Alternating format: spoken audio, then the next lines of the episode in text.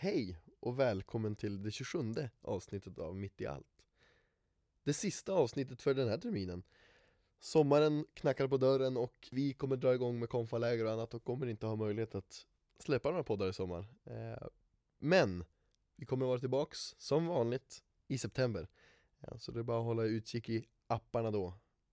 Vi vill också passa på att tacka alla gäster som vi har haft det här ett och ett halvt åren för att de har tagit sig tid och delat. Det har betytt väldigt mycket för oss och förhoppningsvis för er också. Alla deras avsnitt finns kvar på iTunes och de olika poddapparna så det är bara att gå in dit och lyssna nu över sommaren. Eh, hashtaggen mitt i allt kommer fortfarande finnas kvar och gå att använda på alla sociala medier. Men nu, över till vårens sista gäst. Ofelia Widstrand som delar med sig av sin berättelse. Ha det Slow down, you move too fast. You got to make the morning last. Just kicking down the cobblestones. Looking for fun and feeling groovy. Hej Ofelia, Hej. hur är läget? Eh, jo, men det, jo, men det är bra. Bra. Eh, hur har din eh, sista vecka sett ut? Eh, ja, jag har jobbat, tränat lite. Eh, ja, jag har inte gjort så mycket faktiskt. Skönt. Mm. Var jobbar du? Eh, jag jobbar på Iksu som städ. Okej. Mm. Länge har du jobbat där? Eh, ett och ett halvt år börjar det bli nu. Mm. Ja. Så det är ett tag. Det är ett tag. Ja. Eh, vad tränar du? Vad sa du? Vad tränar du? Eh, ja, jag gymmar mycket, eller jag springer och cyklar och kör lite rehab för tillfället och sådär. Mm. Schysst. Rehab, var du skadad? Ja, jag har lite problem med ryggen och höften så jag måste hålla koll. Så Just att det är på plats. Ja. Mm. Schysst. Eh, jag råkar ju veta att du eh, ägnade en massa åt ridning tidigare. Ja, precis. Fortfarande? Eh, ja, eller så, det har blivit mycket mindre på senare tiden med att jag flyttade hemifrån eh, och vi har, häst, vi har ju en häst med mamma eh, men den står ute i Tavelsjö och eh, det, blir, det blir lite långt att åka emellan och jag har ganska fullt upp eftersom jag jobbar heltid och tränar och sådär men jag håller på, det gör jag. Men inte kanske på samma nivå längre, tyvärr. Mm. Mm. Tyvärr, säger du. Ja. Något du saknar? ja, det är verkligen något jag saknar. Det är ju som en del av mig och sen så gör man det inte lika mycket. Bara Det är, som, det är tråkigt. Men det är ändå, ridning är ändå någonting som man, som man alltid kan ta upp igen och hålla på med. Som att cykla typ. Ja, typ. Något som kan. Ja. Schysst. Ehm, berätta om dig själv. Vem är du? Ja, vem är jag? Eh, ja, jag ehm, är 21 år. Eh, jag jobbar på Iksu som sagt som städar. Eh, och ja, jag bor i ett litet hus eh, med mina två katter på Umedalen. Eh, och eh, ja, gud det är så svårt att säga vem man själv är. Mm. Jag tycker om att träna, vara med kompisar. Ja. Vara ute i naturen och ja. Ja. Det är ganska... Ja. Har du bestämt vad du ska bli när du blir stor? Ja, den stora frågan. Eh, jag vet faktiskt inte. Jag har sökt till universitetet till Mhm. hösten. Okej. Eh, så det känns pirrigt. Och då har jag sökt sjuk- sjuksköterska. Eh, så jag, jag tror ändå det är någonting att jag vill. Det är någonting jag vill bli. Faktiskt. Just sjuksköterska? Ja, jag tror det. Jag har länge velat jobba inom vården. Eh, så att, eh, ja, och så är min mamma sjuksköterska och mor, alla är ju sjuksköterskor. Mm. Och det, ja, det, det känns roligt. Så jag hoppas att jag får komma in och Va- Varför, varför blir det vård för dig?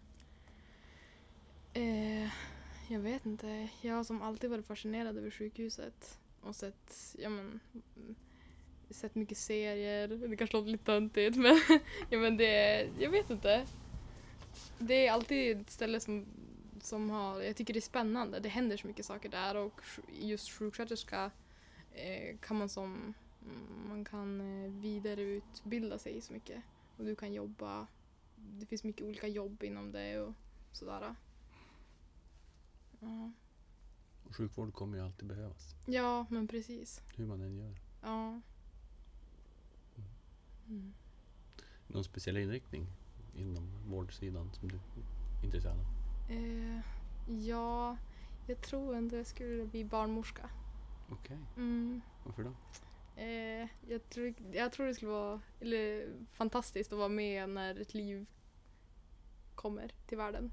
Att få vara där och hjälpa till och ja, se ett liv födas. Jag tror det är häftigt. Mm. Ja. Längtar du efter egna barn? Mm, det gör jag. Jättemycket. En, en av mina bästa kompisar har faktiskt eh, fått barn Okej. nu i november. Eh, och när, när hon fick barn då kände jag verkligen att det är, det känns som att det är meningen med livet. Alltså, ja, gud, det är så häftigt. Det är, som, det, var, det är så speciellt varje gång jag träffar, träffar dem och sådär att det, bara, det här är liksom en del av hon och hennes kille. Det är, alltså, det är en del av min bästa kompis. Det, ja, det är jätte, det är svårt att ta in. Det är, ja, det är häftigt. Eh, hur, eh, hur har du hamnat i våran poddsoffa? Vad är din, din eh, historia i relation till det här stället? Eh, ja. Det... Jag vet eller jo, jag, är klart jag vet. Jag har ju, jag har ju konfirmerat mig. Eh, och sen så var ju jag ledare sommaren 2011 var det väl? Med dig. Mm. Eh, och sen så... Ja, mina kompisar är ju mycket här och jobbar mer och sådär. Eh, och sen... Ja... Jag vet vad- alltså jo, men jag, vi, har, och vi har träffats då och då och eh, sådär. Men jag har inte varit så himla aktiv eh, runt just det här församlingsgården och centralen och det där. Du var ju det ett tag. Mm, precis. Det var jag. Men eh, det, det försvann. Det försvann. Ja, Ja, men det, det, det, så sanden. Ja. Ja. Det är du inte ensam om. Nej, Så är det. Livet, tyvärr så gjorde det. mm, livet förändras. Ja, det så, gör är, det. så är det för de flesta. Det tar ett annat spår. Ehm, jo. Ehm, vad betyder din konfirmation för dig? Min konfirmation. ehm, eh, min konfirmation den, eh, den ledde mig nog in på ett nytt spår. Ehm, jag hade ganska nyss eh, eh, gått igenom en ganska svår eller jobbig eh, situation bland mina kompisar som gjorde att jag började umgås ganska mycket med Mimmi. Eh, och det var Mimmi som drog med mig på, på hela konfirmationen. Eh, och det var där som jag och hon började umgås ännu mera och jag kom in bland nya människor som jag tycker hemskt väldigt mycket om. Eh, så jag tror, ja, jag fick som en ny start på min vänskapssida. Ganska mycket. Genom konfirmationen? Ja, mm, det fick jag. Och du har kontakt med de här människorna, de här nya vännerna idag? Ja, eller in, tyvärr inte lika mycket. Nej. Men eh, vi hade det under en lång period. Men sen så börjar man gymnasium och universiteten och ja, man går åt olika håll. Men vi, är fort, vi är fortfarande vänner. Mm. Kan du berätta om några viktiga personer i ditt liv? Eh, ja, det kan jag göra. Eh, en av mina viktigaste personer det är eh, min lilla syster Elvira. Mm. Eh, hon betyder hemskt mycket för mig. Hon är två år yngre än mig.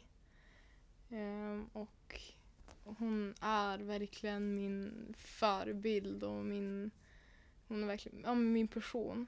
Hon har alltid, alltid funnits där för mig. Hon har gjort så mycket.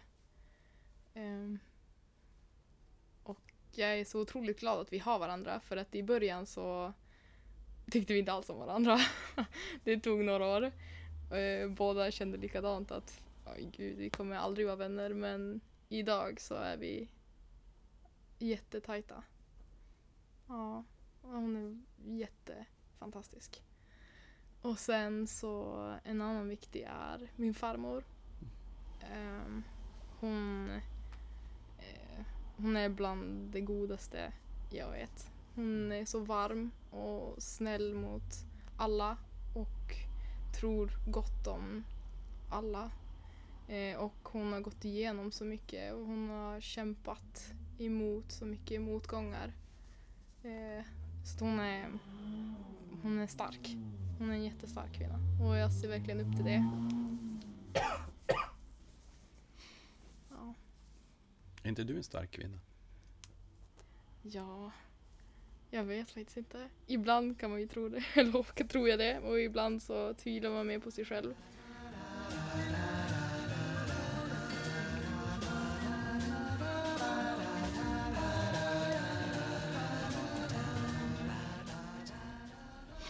Kan du berätta om något minne som har påverkat dig? Någon person eller situation eller händelse som har betytt mycket för dig på något sätt?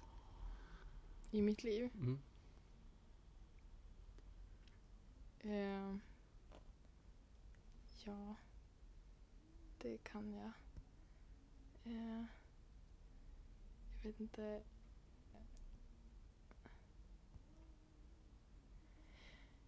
Ja, ehm, det var väl min sommar 2011. Då hände det en grej. Mm. Ehm, som gjorde att ja, men, typ, men hela mitt, mitt liv förändrades. Och Okej. hela min, när min familj och eh, det slog över till någonting väldigt jobbigt. Eh, och det var att jag blev sjuk. Eh, Jag under, eller under länge under mitt, eller hela mitt liv, eh, under min skolgång så eh, jag, har jag, ja, men, fått kommentarer om mitt utseende, om min storlek och ja, men, även i, i mina lagidrotter, att, ja, men, just om min kropp, hur den är, hur den var byggd, hur jag ser ut. Um, och det har väl under ganska lång period varit, alltså jag har aldrig tyckt om riktigt mig själv. Eh, alltid haft problem med att acceptera mitt utseende.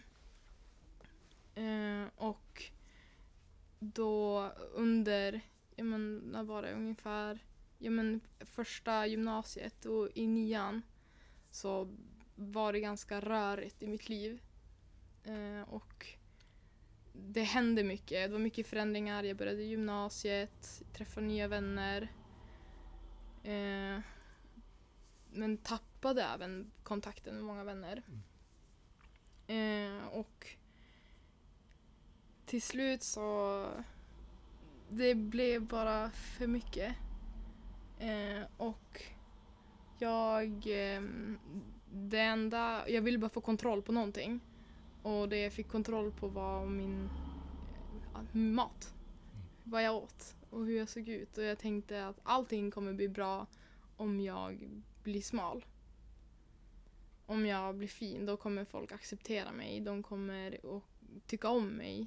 Jag kommer få mer vänner. Jag kommer, det kommer gå bra med mig i skolan. Det, min, mina föräldrar kommer tycka att det, jag är bra, att, de, att jag är vacker.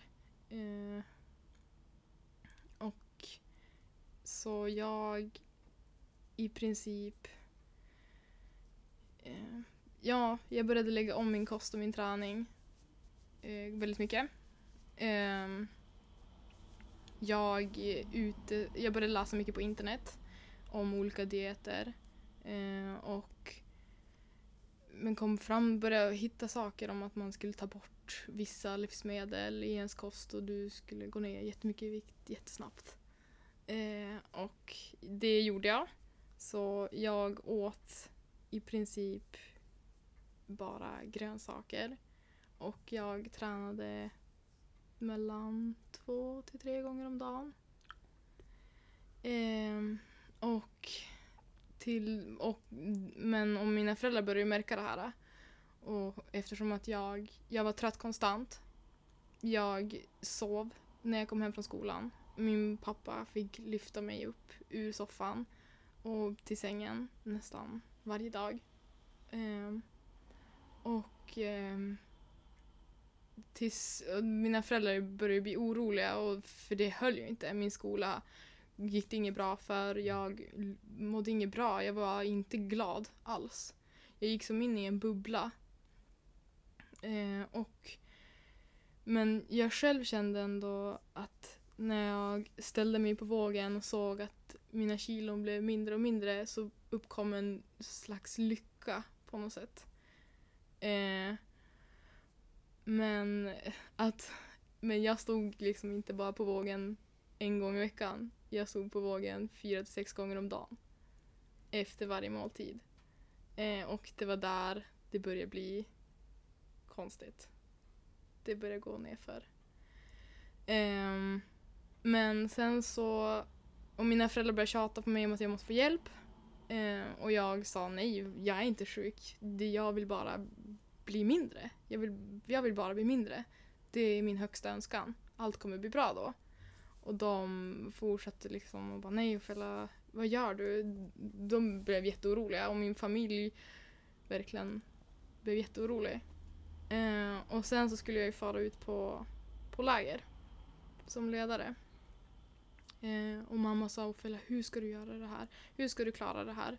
Vad ska du äta? Ska du behöva ta med ditt eget kylskåp? Och jag sa nej, men det kommer gå hur bra som helst. Det, ja, men det kommer gå bra, sa jag.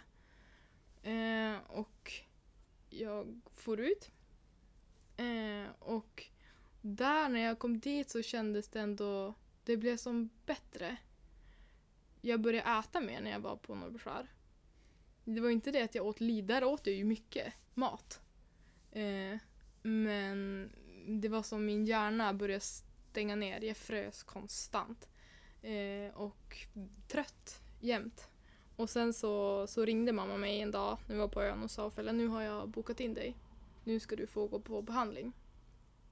Eh, och ja, eftersom att jag inte var 18 så var jag ju tvingad till det. Så hon kom och hämtade mig. Eh, jag kom och vi for in på, på BUP på Umdalen. Eh, och när jag kom in dit till sjuksköterskan så hade jag på mig, tror jag var fyra tjocktröjor. Eh, och jag började klä av mig och jag la mig ner på britsen. Och eh, sjuksystern bara tittade på mig. Och så tog hon mitt blodtryck och så sa hon Hur mår du? Och då sa jag att jag mår bra. Och då sa hon att eh, du har en puls på 30. Det här är inte bra. Eh, och jag, eh, jag förstod som inte riktigt vad jag gjorde mot mig själv. Um, och, eh, och jag fick ta blodprov och jag hade låga värden. Uh, och jag hade tappat min mens. Um, och um, eftersom att det var sommar så var det som det var som semestertid. Så jag fick åka ut på lägret igen och sen så efter, ja men det var någon vecka efter jag hade kommit hem så fick jag komma in på behandling på möte. Och det var då som allting började på riktigt. Okej. Mm. Då gick det nerför. Nej men innan sa jag som när, när jag fick börja få behandling så det innebar att jag gick till en psykolog Eh, jag gick till en sjukgymnast. Jag gick till en sjuksköterska. Eh, och jag fick ett matschema. Eh, och med det här matschemat det var, jag vet inte vad som, vad som slog fel för det, jag hade aldrig ätit så mycket mat i hela mitt liv. Eh, men ändå så gick jag ner i vikt. Eh, för jag vet inte om min kropp fick någon konstig reaktion för att, jag vet inte varför det blev så.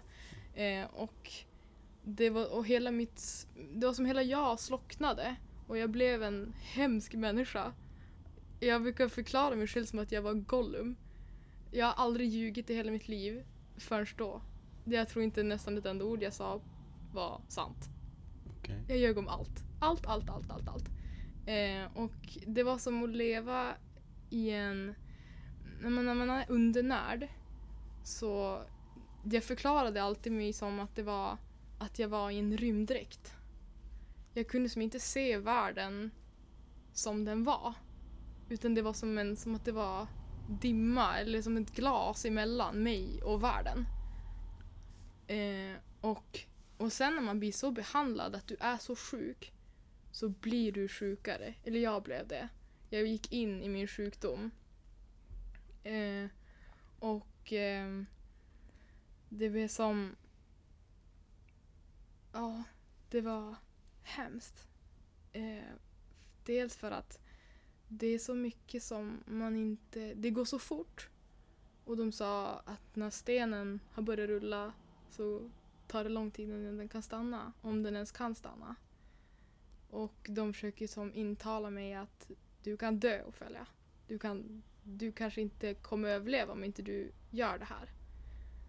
Och jag var liksom nej, det, det är klart jag inte kommer dö. Jag är inte sjuk. Jag är inte sjuk. Men eh, sen eh, eh men jag fortsatte gå ner i vikt och vid det här laget hade jag gått ner ungefär 22 kilo på bara några månader.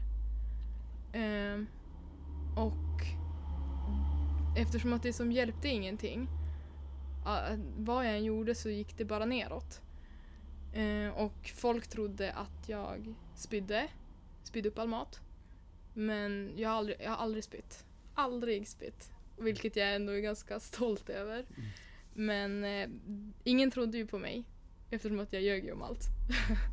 så att eh, jag var med min, jag hade 24 timmar om dygnet hade jag uppsyn. Eller ja, förutom när jag sov då.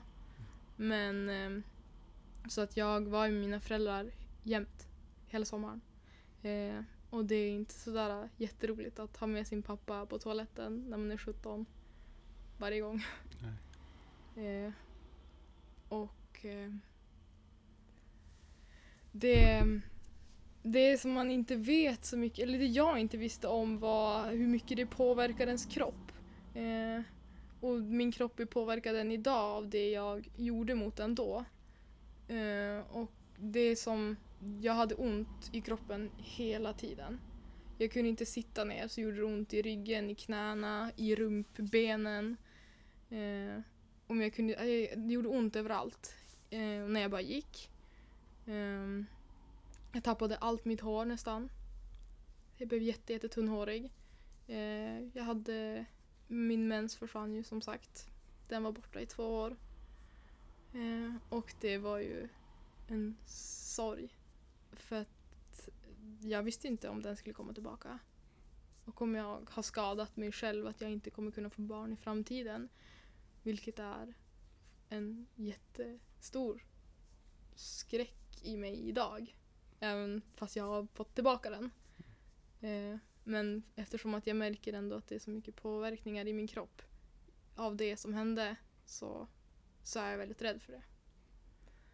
Um, och uh, det... Eftersom att... Men... eh, Och när jag var i det här eh, det kändes som att det aldrig skulle ta slut. Jag såg inte ljus, jag såg ingen poäng med att leva. Att Ehm, varför vi, vi gjorde det här, varför, varför finns vi människor? Eh, så jag, man börjar skada sig själv. Eh, och eh, man, men tills, och det blir som så, det blev som så illa eller alltså jag gick så, jag slutade bry mig totalt. Det kom till en punkt där jag slutade bry mig totalt om omvärlden, om vad andra tyckte om mig, om vad... Jag brydde mig inte alls nästan vad jag gjorde alltså, mot min familj. Vilket var hemskt. För att jag, men jag kunde som inte inse det. Alltså, allt i min hjärna var som upp och ner. Jag visste inte ens vad som var rätt eller fel. Eller sant eller falskt. Eh, och att vara rädd, att inte kunna lita på sig själv är bland det mest obehagligaste jag varit med om. Att aldrig... För jag visste att när jag gick till skolan, in i matsalen, att eh, om jag tog en tallrik då visste jag att jag inte skulle ha mat på den. Och fast jag egentligen ville det. Det, det, är som, det är verkligen att man är två personer och den onda personen vinner över en hela tiden och trycker ner den. Um, ehm, så ja, jag, men man kom, jag kom verkligen till den där punkten att nu bryr jag mig inte längre. Jag bryr mig inte om vad folk säger och tycker om mig. Eh, så, och eftersom att jag inte heller ville bli frisk, jag sket i att äta. Jag vet inte hur många gånger jag har kastat mat över hela restauranger hemma, Helt fil under sängen, farit ut och sprungit mitt i natten. Eh, och jag har sprungit i bara underkläder mitt på gatan på både natt och dag. Skrikandes och gråtandes. Eh, med mamma efter. Eh, och det är såna, man har gjort så mycket saker för att hjärnan bara slår om. Och det är så sjukt obehagligt. Och man märker verkligen att det är en psykisk sjukdom. Eh, och eh, när man... Ja, det är så svårt att få folk att förstå som inte har haft eller varit med om det själv. Um, men just det är ju en förnedring på något sätt. Det är ju ingenting jag var stolt över. Uh, det var ju som när jag började skolan. Um, jag fick ju egentligen inte börja skolan. Men eh, jag var väldigt envis och hade, vi hade flera möten med, med rektor och mentor och alla lärare. Och till slut så fick jag ju min vilja igenom att gå i skolan. Men jag fick ju ta bort väldigt många kurser. Jag fick ju inte röra mig nästan någonting. Jag fick ju knappt gå upp för trappen själv. Eller överhuvudtaget. Jag skulle ju helst ta hissen. Um, och uh, min, jag åt lunch med min pappa varje dag i skolan. Eller mamma, men oftast pappa. Och bara där är det som... Det är en sån konstig känsla. Man, men, att stå i matsalen bland hela sin skola, sin klass, sina vänner och bara skrika och kasta mat på sin pappa. För att man tycker att han är dum i huvudet för att han vill att man ska äta. Det är det är eh, så hemskt och så tråkigt. Men just då, i den stunden, så kan man inte alls se det själv. Man kan inte förstå att man gör fel. Eller att man mår dåligt. Eh, och det här på, det påverkade ju allt. Eh, Just för att jag, jag ville inte bli frisk. För jag ansåg inte att jag var sjuk. Mm. Eh, så, och Mm, eftersom, jag sa det tidigare, men man går som in i sjukdomen och det är så himla svårt hur man ska ta sig ur en sån här sak eftersom att jag, det är ju min åsikt att jag tyckte att jag blev sjukare när jag började få behandling. För att man, jag var varje dag så träffade jag en läkare eller tog min vikt eller hade sjukgymnastik eller jag blev hämtad varje dag i skolan. Eh, jag fick komma ut i bilen och äta mitt mellis.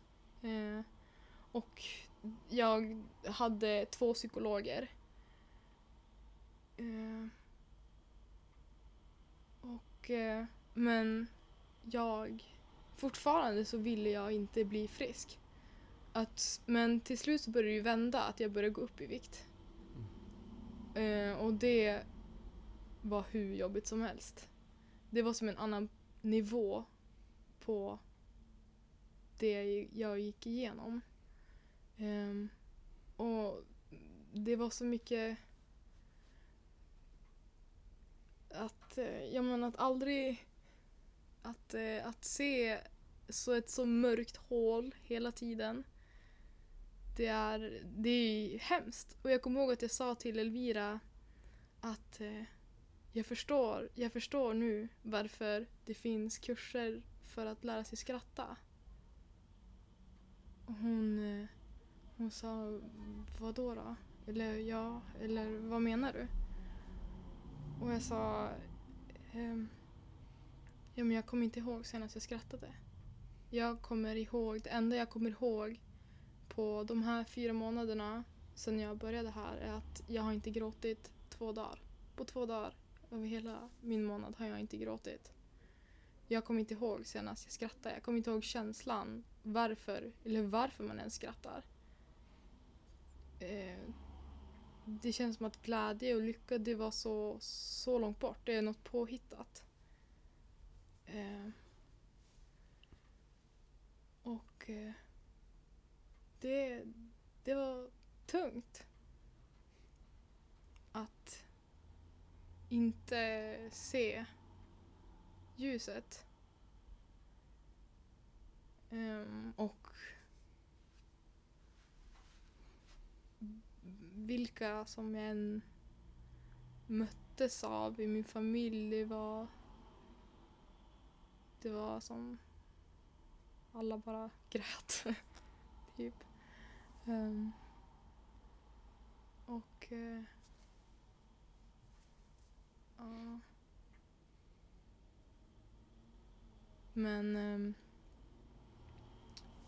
det blev ju bättre som sagt. När jag började. Det var väl mot hösten, julen.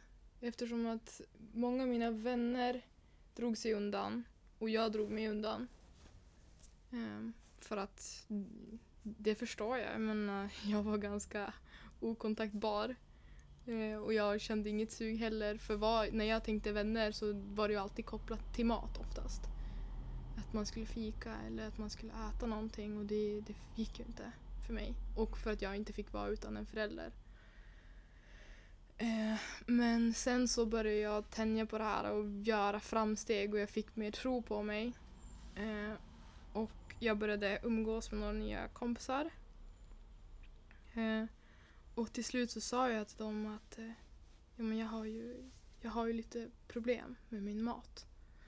Och de sa men Ophelia det är okej, vi vet om det. Vi är dina vänner oavsett hur du, vad som händer med det här. Och det var som då jag förstod att det här, det här handlar ju inte om det. De, det, var, det betydde så mycket de där orden för mig att de ville vara min vän fast jag mådde så dåligt att jag inte var Um, att jag, jag menar att jag dög. Um, och då kände jag att det var det var dags. Um, för att jag har gjort så mycket skada i min familj. Min mamma var sjukskriven länge för att hon var tvungen att vara hemma med mig. Hon grät och skrek varje dag. Um, min lillebror var nio när det här hände. Och um, han... Det är det jobbigaste med allt. Jag börjar alltid nästan gråta när jag pratar om det för att eh, det är inte den uppväxten jag ville ge min lillebror. För han grät varje dag. Han skrek, han rymde hemifrån för att han, han sa att det här är inte en familj, det här, så här ska det inte vara. Eh, och han... Men det var bara jättejobbigt att se han så ledsen varje dag. Och då kände jag att nu måste jag jag måste ändra på det här för jag hade börjat vakna upp mer. Ehm, och jag började umgås med, med kompisar mer. Eh, jag började... Jag skrattade igen. Och jag kommer ihåg den dagen. Det låter jättetöntigt som att hon har inte skrattat på flera månader men det var så. Det var verkligen så. Och jag kommer inte ihåg vad det var jag skrattade mot, eller för. Men, och jag kommer ihåg att det här är ju varför. Det här är ju, det, det här är glädje. Det finns, det finns faktiskt. Eh, och de är här för att de vill vara med mig. Eh, och allting började hände, började vända och mer socialt. Jag fick vänner, jag kom in mer. Men samtidigt så var det väldigt mycket, mycket annat men som jag lärde mig att koppla bort. Eftersom att jag gick på en väldigt liten skola så det snackas ganska mycket. Mm. Så det var många, det var tufft. Det var jättetufft att gå på en liten skola när man blev kallad, ja men mycket saker och folk höll koll på en och bara nej hon är inte så smal och bara nu, nu är hon jättesmal och bara anorexiunge och alltså det blev mycket, mycket, mycket sånt. Eh, och jag kommer aldrig glömma första gången jag gick in i skolan på hösten, första lektionen jag hade. Jag kom lite sent, jag hade, jag hade bråkat med min pappa, kom in. Eh, det var le- livat i klassrummet men det blev helt knäpptyst. Eh, och bara, det var, ja men att gå i skolan, att gå på en sån liten skola när en sån här sak sker, det, var, det är speciellt. Så det var svårt att ta sig tillbaka också, att liksom få, men få en slags respekt eller att folk bemöter en väl. Men det fick jag. Men det hände ju som fick ju även av det andra. Eh, men jag hade nog eh, jag eh, jag eh, det blev bättre efter jul. Efter julen där. Ehm, och jag började gå mindre på behandlingar och sådär. Men sen fyllde jag 18 till våren. Vilket gör att jag inte är skyldig, eller jag får inte vara kvar på BUP. Utan jag måste ta själv eget ansvar om jag vill fortsätta få vård. Ehm, men jag vill inte ha vård. Jag tyckte att jag hade blivit så pass stark att, eh, att jag klarade mig. Vilket jag kanske inte var. Eh, men eh, min, min vikt var stadig och min puls gick upp. Eh, vilket gjorde att jag inte hade så fysisk akutvård. Det var mer det psykiska som behövde hjälp. Eh, men det blev bättre. Och eh, jag... Eh, om jag inte hade... Ehm, det är så viktigt att man har folk omkring sig. Och det är det jag har som insett att... Eh, att eh, vänner och visa att man, är, att man får se att man är behövd och älskad, det betyder så mycket för människor. Eh, och jag lyssnade på Peters avsnitt. Eh, och då sa han, eh, jag kommer inte ihåg exakt hur han sa det, men han sa det här om att vara självständig. Att han brukar prata med sin mamma. Eh, och det, jag tyckte det var så himla fint att jag behöver hjälp med att vara självständig. För det är så sant. Det är jätteviktigt. Ehm, att man får hjälp. Att man, att man har folk runt omkring sig som bryr sig. Och att man inte ska vara rädd för att ta emot det. Och att ge. Um, för att... Ja. Jag vet inte. Men det är... Det är tufft och jag tycker det är så tråkigt att idag så... ehm, det är så många som går igenom det här. Det är så vanligt. Och idag känns det som att det är ganska lätt att komma undan med det också eftersom att det är så inne med att man ska träna, man ska äta rätt. Eh, och det är så farligt. Eh, och det är så svår sak att prata om tycker jag. För att man inte vill eh, trampa fel eller säga något tokigt. Eh, och sådär. Eh, men idag så... Eller det var när jag bestämde mig helt. Alltså, även fast jag blev som friskförklarad. Eh, så det, det har ju varit en kamp. Alltså det är som olika steg hela tiden. Att, eh, jag menar, att vänja sig vid sin normala kropp, så, eller vad man ska kalla det.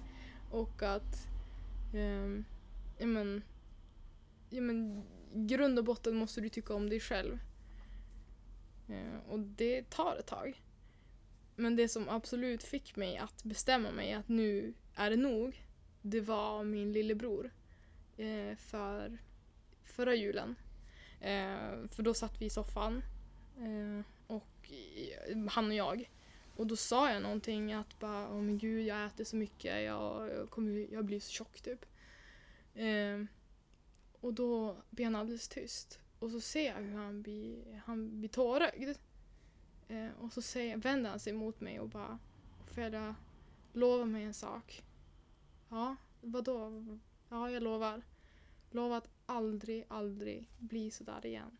Som du var förut. Och jag tittar på honom och bara Jag lovar dig. Jag lovar dig. Jag ska aldrig, aldrig mer hamna där. Och då sa han, för du, du är absolut inte tjock Du är jättefin. Och han var 11 när han sa det här. Och eh, sen dess har jag inte vägt mig. Eh, för att eh, jag vet hur mycket jag har skadat honom. Och ja, det är jobbigt.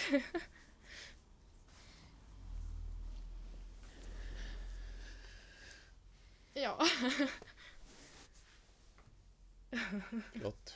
va? Förlåt, jag blir väldigt tagen. Mm. Det var förra julen sa du. Mm. Och du säger att det här började 2010, Det br- 2011? Ja, då bröt det väl ut. Sen Mm. hade jag en period där i högstadiet också. Men då gick, var det som inte något allvarligt alls. Men jag har haft så mycket tankar omkring mat och min kropp så länge. Ehm, men ehm, det tar tid. För mig Mm. har det tagit tid. Ehm, och jag har haft återfall. Sommaren efter var jag nere på samma vikt igen. Men, eh, men eh, jag mådde, då mådde jag ändå bra. Och jag kämpade. Det var som inte... Det blev som... Det gick bra. Eh, men det... Det, det har varit... Det har varit tufft. Och det är som bara, jag har inte... Det var som i, från i våras.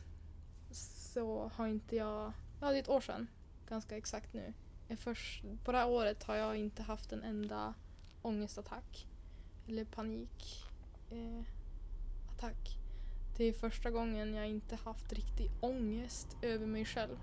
För det har jag haft ganska ofta ändå. Men utan att jag kanske har gjort en handling av det. Av att nu ska jag bli smal eller nu... Men... Det är som att... Och det, och det är samma sak där. För i våras så gjorde jag en ganska stor förändring i mitt liv. Och jag träffade fantastiska människor. Mm. Ehm, och de har verkligen bara visat mig glädje och kärlek.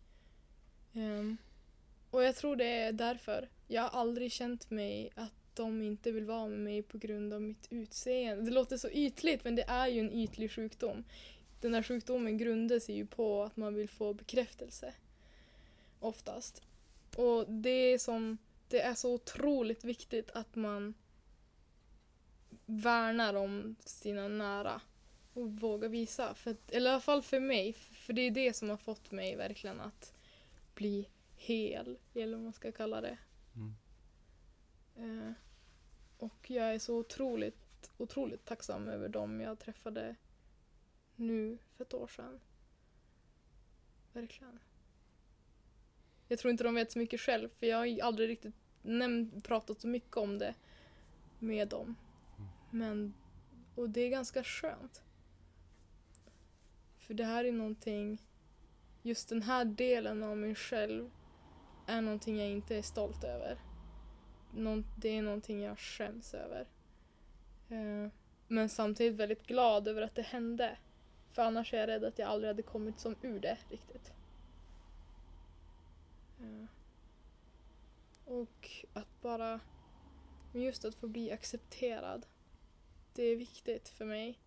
Eftersom att jag har varit med om ganska mycket jobbigt i min barndom som har gjort till att det gick så här.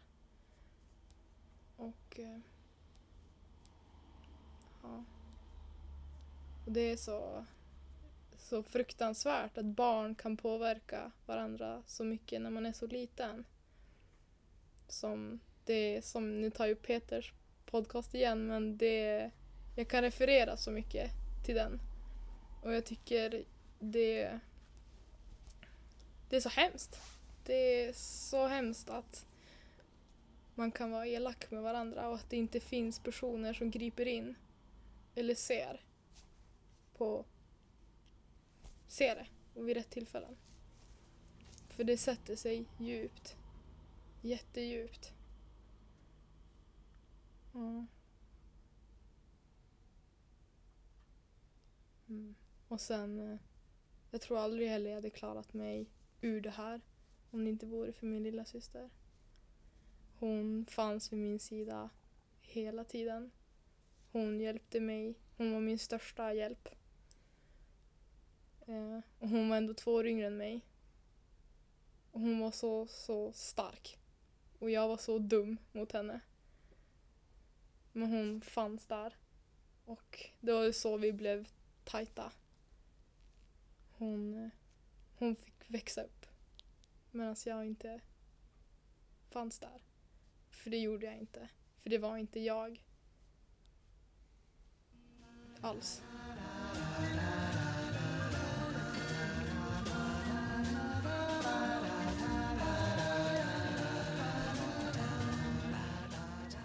Fråga som dyker upp och som av en händelse faktiskt är den frågan som den förra gästen ställde, som är en av våra traditioner. Du ska Ja. få en fråga av en tidigare gäst. Ehm, Så ställde han frågan, eh, antingen i relation till det du precis har berättat eller något annat. Finns det något du ångrar? Något du ångrar att du har gjort? Eller något du ångrar att du inte har gjort? Ja, det är en väldigt intressant fråga. Mm. Jag pratar väldigt mycket om, med min kompis om det här. Eh, för jag har som ändå sagt att nej men jag, jag, ångrar, jag ångrar ingenting. Eller alltså det finns vissa fåtal saker som man kanske gör. Men samtidigt så, så känner jag att jag, nej. Alltså jag, om jag skulle kunna få göra om så ångrar jag att jag skulle såra personer. Jag har sårat så mycket. Det gör jag verkligen. Men... ehm, någon specifik händelse? Jag vet inte. Jag tycker det är en sån svår fråga. För ånger, det är klart man kan ångra saker, att man mår dåligt över att man kanske, att det blir fel, man sårar personer men samtidigt, det går inte att göra någonting åt det. Eller, som man, eller det är gjort, det är gjort på ett sätt. Men det går ju alltid att laga och be om förlåtelse. Men... eh, Ja, jag vet Nej, jag kan inte säga. Och det, är, det jag har varit med om, det ångrar jag inte. Det gör jag inte. Om vi ska prata om det. Nej. För jag har lärt mig så oerhört mycket av det. Jag tänkte just komma till den frågan. Mm. Eh, nej, men jag har lärt mig så mycket utav det och vad som händer och vad som ja, men, konsekvenser och att det finns verkligen annat i livet som är så mycket, mycket viktigare än just hur man ser ut. Eh, och ja. Nej. Jag har... Och jag, som, som sagt så jobbar jag på, jag jobbar ju på IKSU. På, eh, och det är, eh, då ser jag så, jag träffar på och ser så mycket människor varje dag. Och eh, ja, jag vet inte riktigt vart jag vill komma med det men det är en ganska jag ser ganska ofta personer som är på väg dit eller som är där. Och det är så fruktansvärt hemskt att se. För att jag vet att det finns inget värde med att vara där. Det är den mörkaste platsen du kan vara på, eller som jag har varit på. Eh, och det är inte svaret som man söker när man går in i något sånt där. Men det vet man ju inte förrän sen.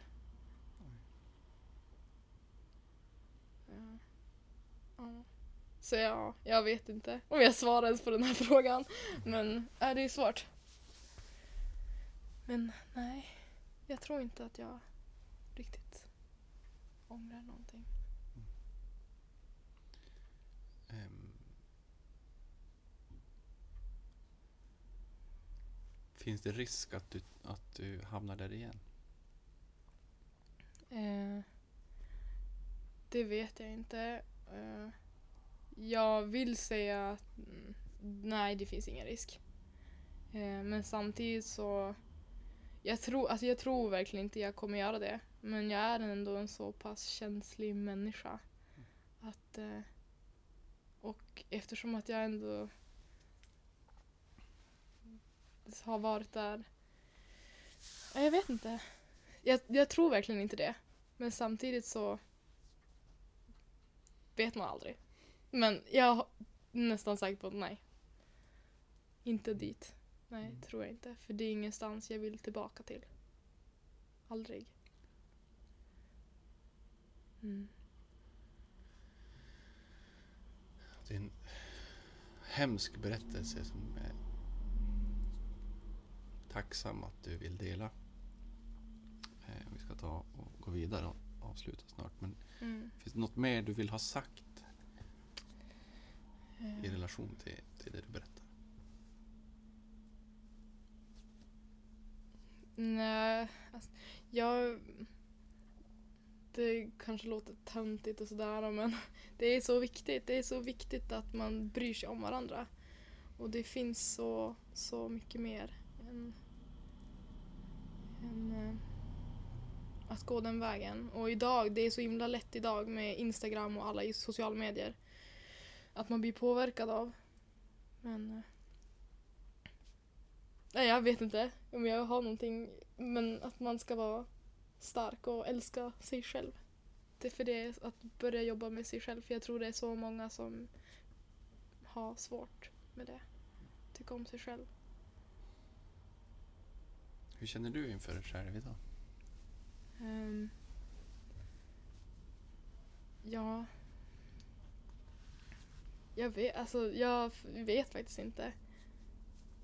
Jag är väldigt delad där.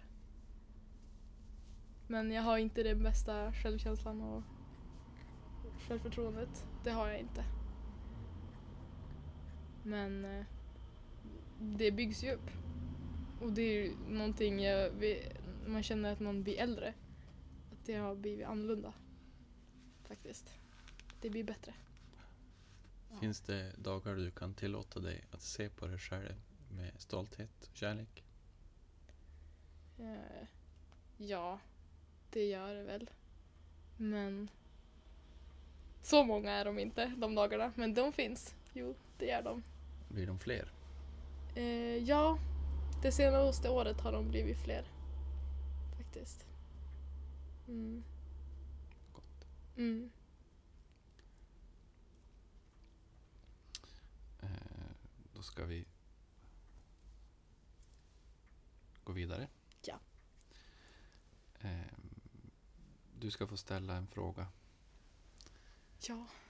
till nästa inspelning. Oj. Jag tycker det är jättesvårt men eh, eh, Men kanske att eh, Jobbar du mycket på att göra dig själv glad? Att du ska må bra? Eller ge, jobbar du mer för att andra i din omgivning ska må bra? Eh, och traditionen är också att eh, man får svara på sin egen fråga. Ja. Eh, och ja, kan jag svara. Det är som senaste året har verkligen hänt saker med mig.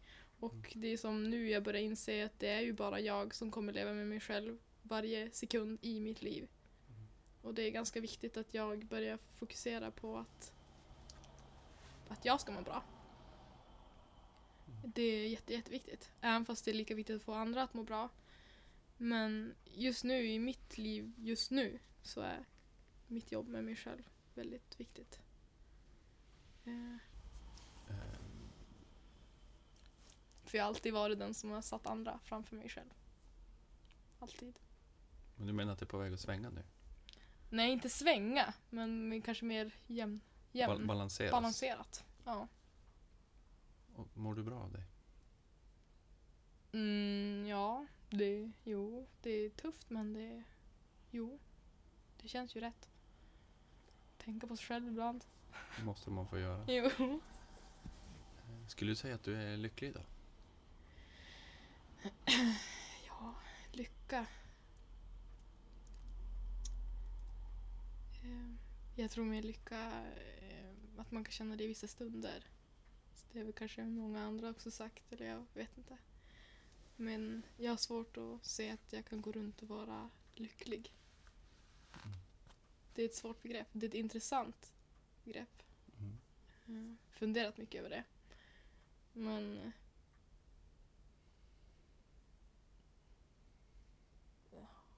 Just nu kan jag inte säga att nej, jag är inte lycklig just nu. Nej, men jag mår bra.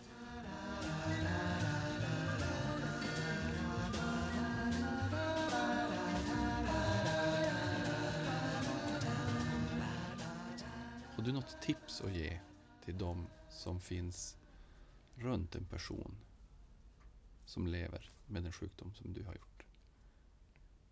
Ja. Ehm, um, visa att, att ni bryr er. För det, det är så viktigt. Det är det som fick mig att vända, tänka om mycket. Eller stor del av det. Um, för när man hamnar i den sjukdomen så man känner sig ensammast i världen.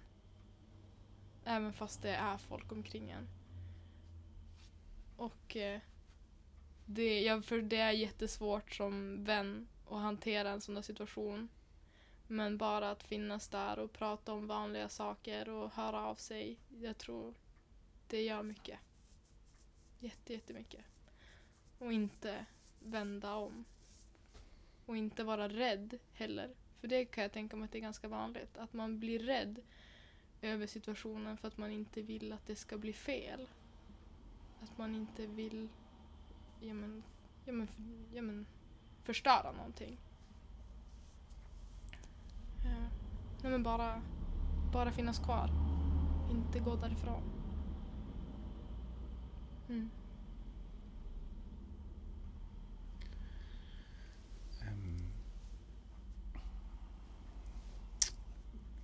vi ska avsluta. Så vi ska få säga stort tack till dig ja. för att du tog dig tid och mod att dela med dig av din berättelse. Ja, tack själv. Ehm. och du ska få, sist av allt ska du få välja en låt mm. som vi ska avsluta med. Mm. Eh, och det, ja, som många andra, det har varit jättesvårt. Mm. För det är ju så personligt. Mm. Eh, och, eh, men jag tror ändå jag har valt en låt. Jag funderar mycket på Coldplay och Bon och alla de där. Men jag tror det blir eh, 999 med Kent. Just det, mm. varför blir det? Eh, jag, jag tycker att det är en bra låt. Eh, den har bra innehåll det är en låt som jag... Ja, den har, jag har lyssnat mycket på den och den betyder ganska mycket för mig. Sång En vaggvisa du sjöng